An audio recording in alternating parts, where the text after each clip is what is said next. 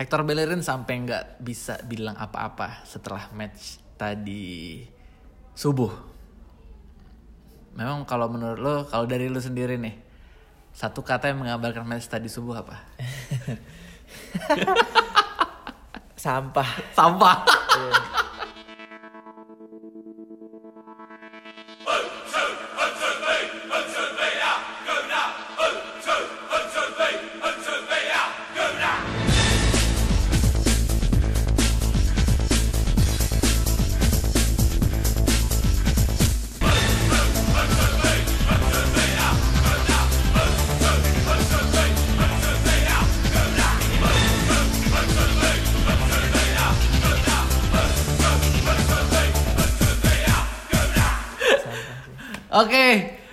Eh, balik lagi di Gunung Lokal Podcast bareng gua Aubatara dan Rio Miyaichi di sini.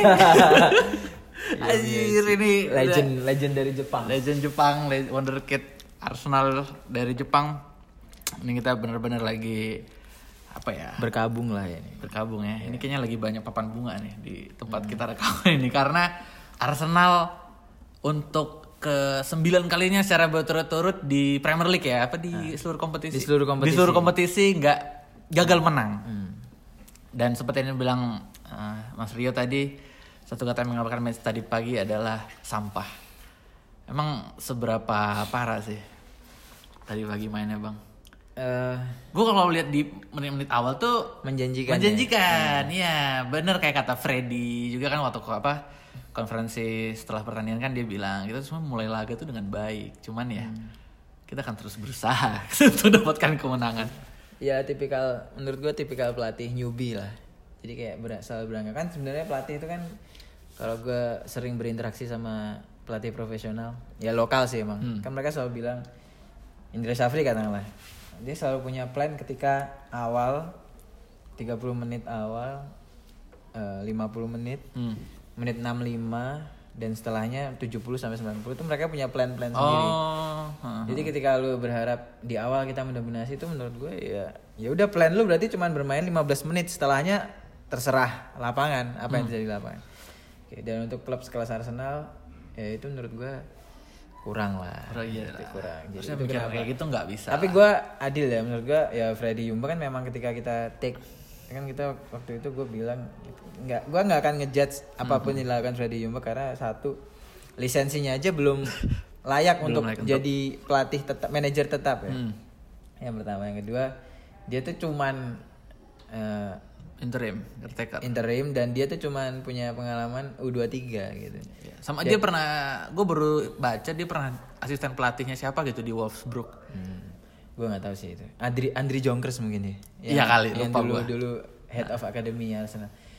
Jadi menurut gua dan dia bukan Pep Guardiola gitu yang revolusioner yang punya pemikiran. Hmm, Walaupun dari Barcelona B dia naik ke tim utama kan dia udah punya matang gitu secara pemikiran. Nah, dia Freddy kan belum. Kayak gitu. Tapi memang ada beberapa hal yang patut disayangkan ya sebenarnya kayak pemilihan pemain. Pilihan pemain dari pemilihan pemain yang mana yang salah menurut lo yang tadi pagi? Karena kan kalau emang dari pertandingan sebelumnya lawan Norwich kan udah kelihatan kan Auba tuh kalau main di sayap ya dia sama aja kayak ngulangin kesalahannya Emery gitu ya nggak sih? Apa emang dia belum berani untuk nyadangin salah satu dari dua pemain ini? Auba tuh mau dicadangin sebenarnya gini. Lacazette kan lagi bagus ya. Lagi ngegolin lah maksudnya. Nah. Kalau dibilang bagus secara tim enggak, tapi kan secara strict personal dia kan lagi ngegolin terus nih. Ya. Jadi susah lah dicadangin. Auba kapten top score klub. Jadi mau nggak mau memang harus dimainkan bareng kan. Dan sebenarnya punya dua gelandang, eh dua striker di depan. Itu kan kita butuh gelandang yang lebih compact gitu kayak. Iya. Nah itu nggak Arsenal nggak ada gitu. Halo Ramsey. Iya, kita kita butuh pemain-pemain seperti Aaron Ramsey. Kita butuh pemain-pemain DM murni sebenarnya. Gue nggak tahu apa yang terjadi sama Lucas Torreira ya. Asli asli bro. Jadi tapi memang jadi gini kayak eh, apa yang terjadi di rezim sebelumnya itu itu berpengaruh kayak gitu karena pemain kan harus adjust adjustment lagi kan Iya. kayak gitu. Jadi menurut gua itu butuh waktu kan. Dan Dua kayak tahun lebih kan? dan Eh, kayak gini misal kayak kasus Saka lagi untuk pertama kalinya dia kemarin di laga yang dua-dua itu di Norwich. reintroduce ke tim lagi kan Hmm. main lagi setelah jadi kayak lu nggak bisa berharap setelah apa yang terjadi di laga versus Palace di mana dia dibu, copot ban kaptennya, itu bukan sesuatu yang enteng gitu. Jadi ketika lu masukin Saka gitu aja pasti ada apa ya mood entah mood dia entah ya gimana dia langsung tune in ke klub atau ke sistem permainan kan beda kan. Pelatihnya juga ganti waktu dia baru main plus kan. dia kan pasti masih merasa jengkel, kesel atau apa. Kita nggak pernah tahu ya. Jadi hal-hal kayak gitu tuh masih dikesampingkan dan menurut gue memaksakan Joe Willock kayak gitu terus nggak ya gue prefer Guendouzi main ya apa pun yang terjadi lu mainin Guendouzi gitu. Karena gue gua kalau sedikit aja gue boleh mengkritik gue mencoba fair untuk Yumbek ya. Cuman kalau satu aja kita boleh kritik. Eh, menurut gue lu udah nggak ada beban gitu. Lu tuh interim. Iya. Satu lu interim Gak ada beban kayak Pak Jokowi. lu nggak akan dipecat gitu ya kayak Jokowi cuman kan Jokowi ternyata tidak lu udah lu literally nggak ada beban lu nggak akan dipecat Ya. Kalaupun ada pelatih baru lu paling turun, Turun. jadi asisten gitu kan. Lu udah nggak ada lu legend club lu dihargai di sini gitu. Betul betul. ya udah lu nothing tulus aja gitu. Kayak ya udah mainin pemain muda semua kayak. Ya Ozil salah satunya itu yang gue salut ya dia berani mainin Ozil. Dan Ozil kan memang terus lu mainin Pepe. Lu main ya apa pun sistemnya yang dia pikirin. Gue nggak tahu yang ada di kepala dia kan sistem latihannya ngerancang dia. Iya. tapi ketika lu you don't have anything to lose ya udah lu risking it all gitu. Kayak kan when we are we don't have anything we're free to do anything. Yes, jadi kalau nggak ada lagi yang dipertaruhkan ya udah langsung all out. Ya itu menurut gua nggak ada di pemilihan dua dua match ini ya. Dari Yumbek tuh nggak ada gitu. Jadi ya mengecewakan secara pemilihan pemain. Terus kalau gue boleh jujur ini eh, squad lini belakang Arsenal ya. Kalau gua jadi apa sih istilahnya Raul Sanlehi ya Ah. gue buang semua itu empat empatnya Semuanya. semuanya Semua yang ada di squad atau yang tadi main tadi semua malam yang main. semua yang ada di squad lini belakang Arsenal nih lini belakang Arsenal nih cocoknya untuk tim Everton gitu Iya. Everton Ada, gue baca tweet siapa ya katanya emang de, mau siapa pun pelatihnya mau back Arsenal pun tetap pemain seperti ini emang nggak akan bisa berubah. iya jadi kayak back back Arsenal nih reckless terus eh, pelatihnya juga nggak punya sistem kan Hmm. Per- kan defense juga butuh sistem ya terus eh, mereka nggak tahu apa-apa kayak dan ketika kebobolan kayak kayak berkacak pinggang kayak ya, gue nyalain siapa nih ya gue nyalain Iya, siapa nih?" kayak gitu jadi gol kedua tuh, gol sundulannya si golnya Webster yang pertama yang mau pay Ya, iya, yang mau Pai sih yang gue kelihatannya kayak diem semua. Iya, yang Webster kan juga kerumunan gitu terus Hmm. gue lihat eh, David Lewis ya kalau nggak salah dia gini. Ya lu ya ya kenapa terus apa apakah itu kemudian membuat gol itu dianulir kan enggak. Enggak. Ya it- itu Malah gol dia dianulir. Jadi jadi gue rasa nggak nggak nggak punya hal kayak gitu lagi. Kayak gitu.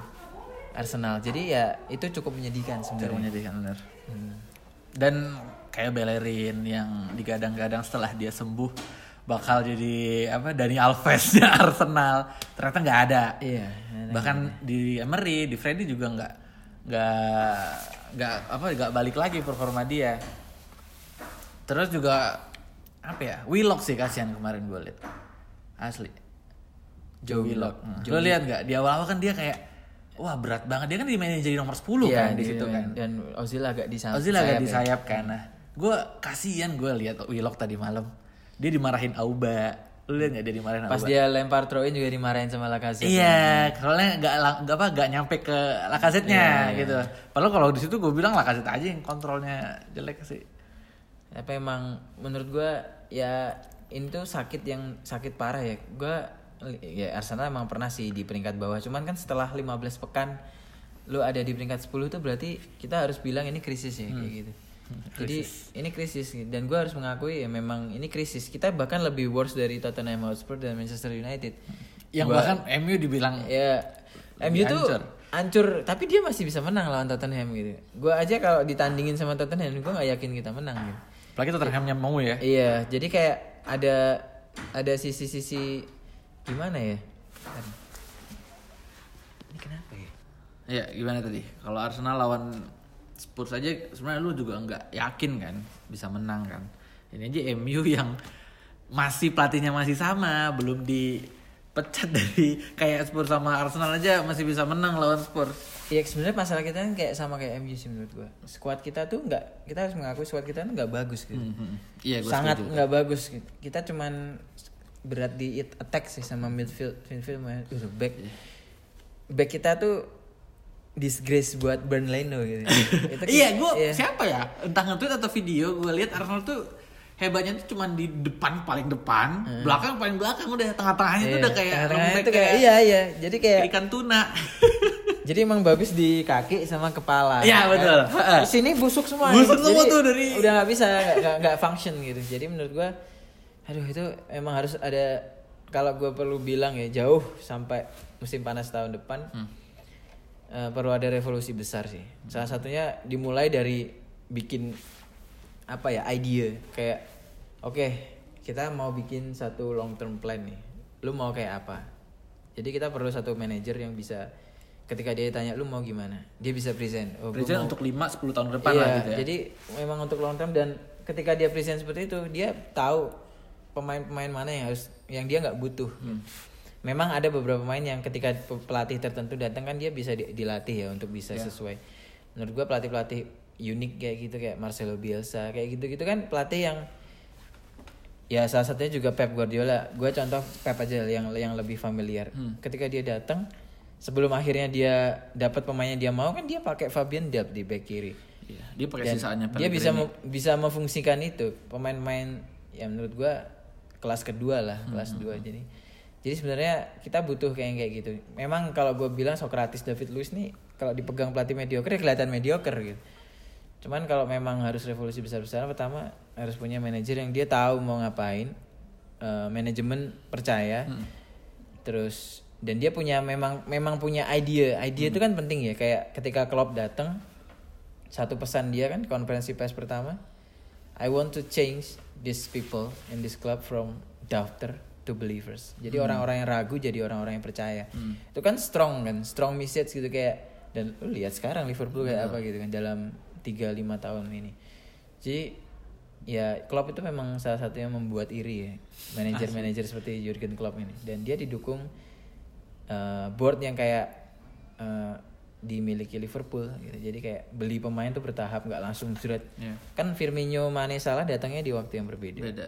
Terus ketika mereka udah punya tinggal nambah-nambahin lah Fabinho, Serdan Shaqiri, Divock Origi kayak gitu-gitu. Maka Jadi udah berani jual Coutinho gitu. iya, jadi Karena emang itu kan plannya pasti jelas kan. Iya, oh ini nggak apa-apa nih gue jual udah, nih. iya jadi mereka ketika ketika or- orang udah punya plan tuh kayak lu mau ada apa pun nggak nggak masalah Hmm. gitu karena udah tahu oh kalau gini berarti gua harus gini kayak gini. Nah Arsenal nih udah kehilangan itu menurut gua. Kehilangan itu ketika Wenger pergi ya, Hmm. nggak ada kan ketika Wenger pergi itu dari manajer kita jadi punya head coach kan. Hmm. Yang kemudian ada direktur sepak bola Yoi, di ada situ. ke- kepisah-pisah. Ada Raul Sanlahir di situ. Nah, harusnya sinkron di situ. Jadi antara Raul, Edu, manajer, asistennya itu harus sinkron lu mau apa? Lu mau gimana? Lu bisa nggak kerja? Ya kalau nggak bisa bilang harusnya kan kayak, Iya. wah gua nggak bisa nih kayak punya pemain kayak katakanlah Socrates atau Granit Xhaka mungkin ya. Ya udah, gue jual, gue datengin lu mau siapa? Kan? Yang sesuai spesifikasi dia gitu. Jadi memang orang-orang yang bekerja dengan sistem yang dia yakin pemain-pemain ini bisa. gitu. Dan itu memang jauh ya, Iya, nggak bisa lah kayak. Kalau gue feeling kayak dalam waktu dekat ini nggak bisa. Jadi bisa. Dan gue juga yakin kalau emang akhirnya punya plan panjang kayak gitu, mungkin di musim depan kita nggak akan main di kompetisi Eropa sih. iya, Dan ya. itu nggak apa-apa sebenarnya. Iya. Asalkan jelas gitu ya kayak Liverpool. Liverpool kan sempat satu musim juga kan Hmm. dia nggak main di Europa League atau di Champions League.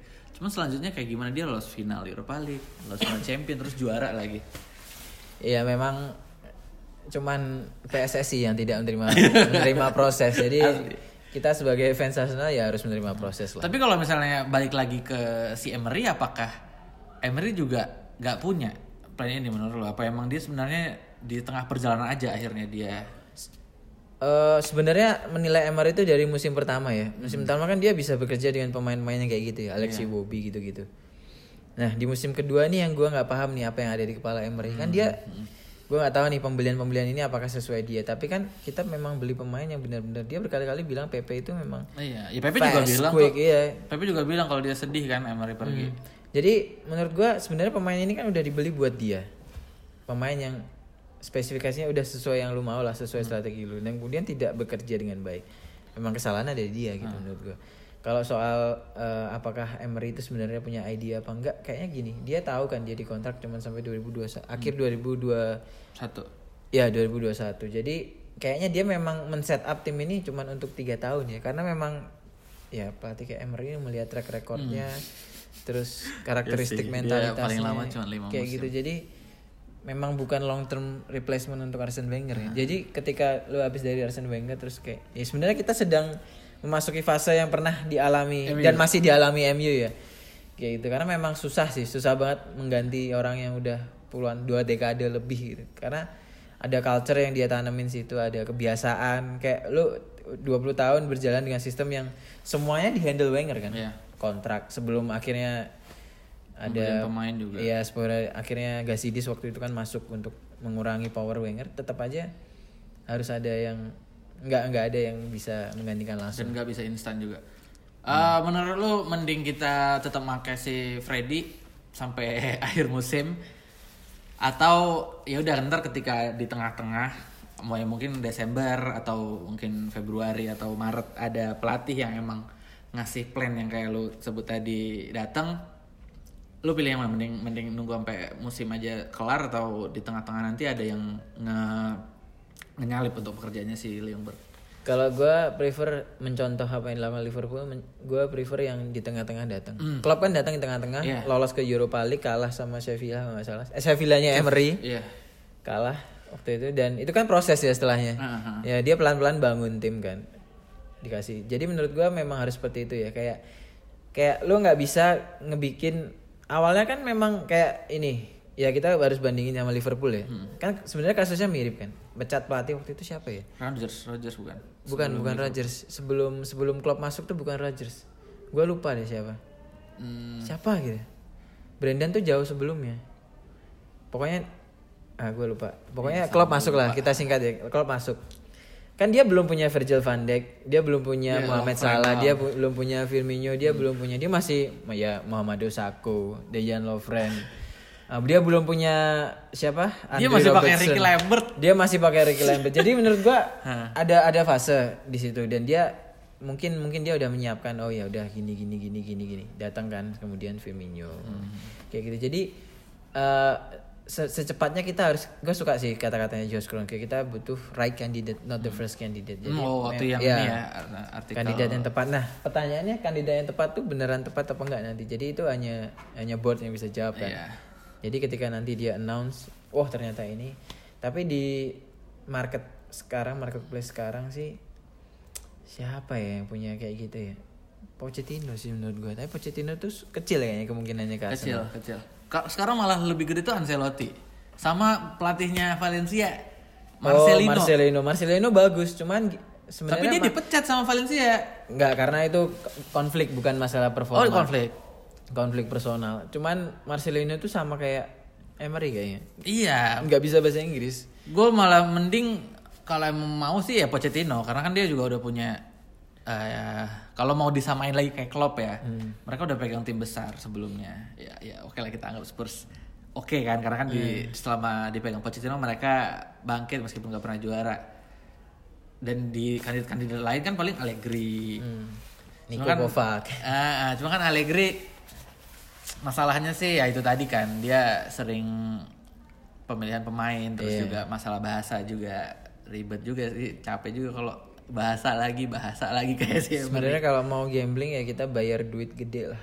baru gede untuk Brendan hijack ya Rodgers. iya Cuman Brendan Rodgers lagi bagus banget sama Leicester. Ah, tapi kalau kita bilang Stacher tuh sekarang Leicester di atas. Asli, Jadi asli. ketika lu bilang wah ya gila aja Le- eh, Rodgers nggak mau nerima Arsenal demi Leicester. Ya gue balik gila lu. Iya. Leicester udah du- pernah juara 2015 Ah, ah. 2016 Arsenal ya. terakhir Arsenal udah nggak pernah 2004. juara. Jadi secara Stacher sebenarnya kita kalah dari Leicester gitu. Kayak gitu itu yang tapi kan kalau mau gengsi-gengsian sih Rogers harusnya mau sih. Kalau kita Hmm. pun ngasih duit yang oke juga buat dia. Karena kalau gue bilang sih pelatih nggak akan nggak ada loh yang lu di zaman sekarang ini ya Hmm. nggak ada yang benar-benar setia sih gue bilang. Lu Rodgers mau bilang kan kemarin dia bilang no no no I'm happy here. Gue senang ada di Iya. Leicester. Tapi gue bilang bullshit sih itu kalau dikasih duit juga lu berpaling Tapi emang sebenarnya kalau dibandingin squadnya Leicester tuh lebih komplit sih. Oh iya, ya mungkin ya, dia lebih enak untuk ini. Hmm, jadi kayak ya gue lagi Karena kan dia yang bangun juga kan, dia kan masuk. Ya, lagi-lagi enak-enaknya nih gitu. Dia udah dia datang udah ada James Madison, udah ada Chilwell. Dia paling cuman beli siapa? Ayoze sama Tielemans. Tielemans tuh pun udah dipinjem kan sebelum Iya, Rodgers iya. datang. Jadi dia tinggal mem- memperpan- mempermanenkan. Soyuncu juga udah datang lama. Ricardo Pereira juga udah. Jadi sebenarnya tim ini tuh udah udah jadi cuman memang nggak punya taktik yang pas. Nah, Rodgers datang membawa itu kan sebenarnya. Arsenal ini lebih kronis gitu. Udah kehilangan identitas, eh, skuadnya jelek, belakang tengah tuh jelek. Gue harus bilang jelek, jelek banget. Cuman beberapa lah di sebenarnya lini tengah tuh punya kualitas, cuman ada confidence-nya udah hilang ya mungkin mereka aja. Jadi kayak ya itu kanker tapi belum stadium akhir sih. Jadi sebenarnya kalau lu kemo dengan cepat, tepat, efisien sebenarnya bisa sembuh. sembuh. Ya pertanyaannya gimana board nanti? Dan siapa dokternya? Iya. Kemarin eh, tadi pagi juga Ozil terlihat marah-marah Ini ya full time ya. full time katanya sih ke Lacazette banyak yang bilang karena si Lacazette juga marah-marah balik ke rekan setim yang di bench. Cuma ini nunjukin salah satu bentuk frus- frustasi ya. Kasihan banget sih, maksudnya gue bilang di Twitter kalau misalnya pemain Arsenal ini masih trauma dengan apa dengan Emery yang udah mencuci otak mereka selama 18 bulan dengan taktik yang nggak jelas. Terus juga strategi yang sebenarnya nggak jalan dengan lancar tapi selalu diulang-ulang. Dan akhirnya kasihannya juga ke Freddy. Freddy kan pasti juga lebih harus bekerja lebih ekstra kan untuk nyembuhin dulu Iya. si Dia- mental-mental pemain ini. dia dapat pemain yang psikis dan mentalnya udah mungkin lelah ya. Ha. secara psikis dan secara mental terutama Ozil ya Ozil kan di exile berapa bulan sama Emery jadi ya apa sih si Freddy? Pokoknya kita aduh gila. Ya, gue bilang ya kita harus tetap dukung Freddy sih. kita tuh cuma lima poin di atas zona degradasi gitu Oh jadi iya iya gua lu, rasa, nge-tweet. Eh, gue rasa itu fakta yang menyedihkan ya. Karena itu setelah 15 pekan kalau masih 5, 6, 7, 8 pekan oke lah kita pernah ya waktu musim yang kita dibantai 82 itu kan kita pernah peringkat 17 cuman kan setelah itu kita naik naik naik. Nah ini enggak ini udah 15 tuh kurang 4 match lagi udah paruh akhir gitu kan. Paruh paruh musim. Jadi ini tuh krisis dan ini parah gitu krisisnya. Dan board itu harus tahu ini tuh krisis gitu. Hmm. Ya, mungkin mereka juga tahu sih, tapi diem-diem aja.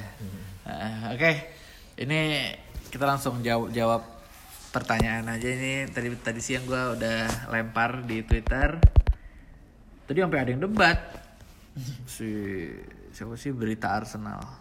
berita Arsenal Iya berita Arsenal. gue heran ya orang kita tanyain tapi kenapa malah he- he- debat ya Soalnya kan gue gue retweet pertanyaannya, terus dibalas dibalas pada gitu sih. Ini satu dari yang pertama dari Atmaja, Ed Kusuma underscore Atmaja 88. Yang gue tangkap dari 9 kali kita nggak pernah menang adalah rapuhnya lini belakang. Secara tidak langsung mempengaruhi mental para pemain setelah tertinggal. Tapi sebagai fans tetap dukung tim di masa-masa seperti ini. Ini tadi kan udah kita bahas ya.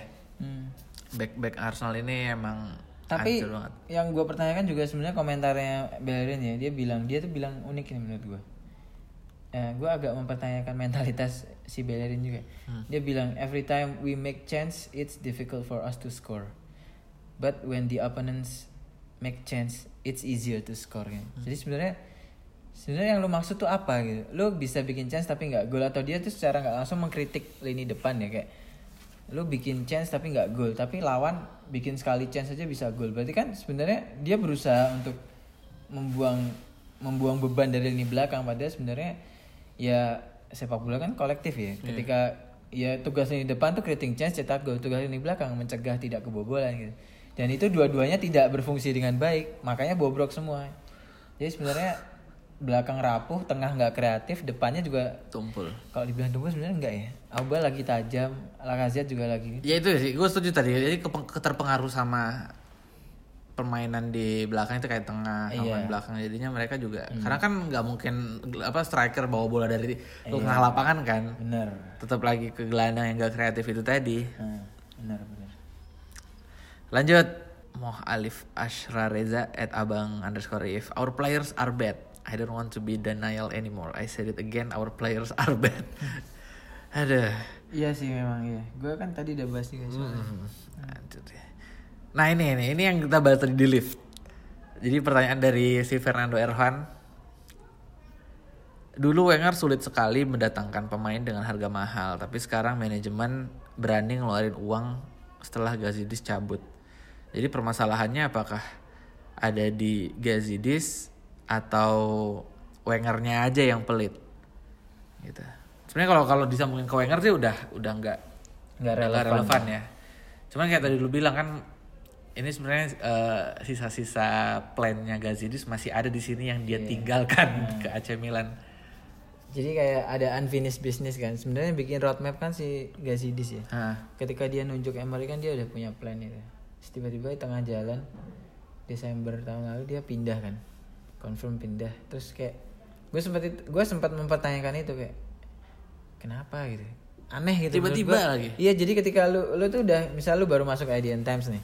Lu udah punya nih, wah gua mau naikin Desport gitu. Bersaing sama Detik dan kawan-kawan gitu ya. Misal ya. Terus tiba-tiba di tengah jalan lu pindah gitu ke detik gitu. Aduh. misal kan Ya. itu kayak gimana sih dan tim lu yang di sini berjalan dengan sistem yang lu buat tapi lu nggak ada Lu lagi ada di gitu. situ, ha. jadi kan kita mewariskan sesuatu yang sebenarnya orang-orang di sini di dalam ini nggak ada yang gua nggak tahu ya mungkin nggak tahu mungkin mungkin nggak sepakat dan belum ada di level Gazidis untuk merumuskan kebijakan baru gitu Iya. Jadi ya mungkin mungkin ya udah kita jalan sama plan Gazidis dulu lah dengan cara kita yang kita ada sekarang mungkin kayak gitu sih Jadi kalau iya ya emang jadi kayak apa ya, otaknya tuh nggak ada lagi di sini. Hmm. Dan untuk mengganti roadmapnya juga nggak nggak bisa kayak lu cuman semusim dua musim kan karena pasti Gazidis bikin roadmapnya juga panjang. Oke nih eh, terakhir dari Muhammad Fadil at Fadil Gunar. Emery ngandelin Shaka, Freddy ngandelin Willock. Hmm, nitip rasa penasaran. Apa ini emang apa ada ada pengaruh karena si Freddy yang ngelatih si Willock kali ya? iya iya mungkin ya. di tim muda. Terus kayak gue tadi sedikit singgung, kita tuh merindukan Aaron Ramsey sebenarnya. Gelandang-gelandang seperti Ramsey yang dia udah punya DNA Arsenal ya. Dia udah Arsenal banget lah gitu. Dan ketika dia di Juventus dia juga slot in dengan mudah gitu. nggak nggak susah. Jadi kan itu membuktikan kualitas. Jadi sebenarnya salah satu dosa terbesarnya Emery dan tim yang board yang sekarang tuh melepas Aaron Ramsey dengan murah gratis, Gratis. gitu. Jadi sebenarnya dan mencari pengganti pemain yang setipe tuh banyak ya. Tapi kan yang tahu identitas Arsenal tuh dikit. Identitas main ya. Emery eh sorry, Ramsey udah ngerasain Wenger, udah ngerasain Emery. Emery. Salah satu yang long serving juga sebelum dia cabut kan. Jadi menurut gua kita kehilangan banyak lah. Kita udah nggak punya Cazorla, udah nggak punya Emery, tinggal Ozil doang. Jadi kayak udah nggak ada kaki, nggak ada tangan, tinggal kepala doang, tinggal Ozil doang. Jadi kayak sebenarnya ada Gendosi, cuma Gendosi kan masih tipe-tipe all round player gitu kayak kalau dibilang Dia belum tahu satu satu role yang Iya. mau dia jalanin apa. Dia belum gitu. tahu. Dia bisa di gelandang bertahan, dia bisa di box to box gitu. Jadi kayak nggak jelas, belum jelas kalau eh, Ramsey kan jelas ya. Dia gelandang 8 tapi eh, hybrid 10 karena tiba-tiba dia bisa di kotak penalti cetak gol gitu dan finishingnya bagus. Nah, Gendosi ini ini bagus. Gue gue bilang Gendosi bagus secara mental skill di usia segitu under 20. Tapi memang ya masih mentah ya, masih mentah secara kematangan bermain. Jadi kayak banyak sih PR-nya. Ya, oke. Eh, sekian dulu untuk episode yang sekarang. Ini benar-benar desperate ya karena kita dari tadi selalu menceritakan Keluh kesah. keluh kesah, terus juga apa ya negatif-negatif vibe lah di Arsenal saat ini. Ya tapi tetap kita harus sabar. Gue juga di Twitter gak mau marah-marah dulu. Ya biarin aja dulu ini ngalir seperti kayak yang tadi Mas Rio bilang sampai dapat nih siapa nih dokter yang bisa nyembuhin penyakit krisisnya Arsenal musim ini. Oke, gue Ilham Betaris Matong pamit. Gue Sido pamit. Sampai jumpa di episode selanjutnya.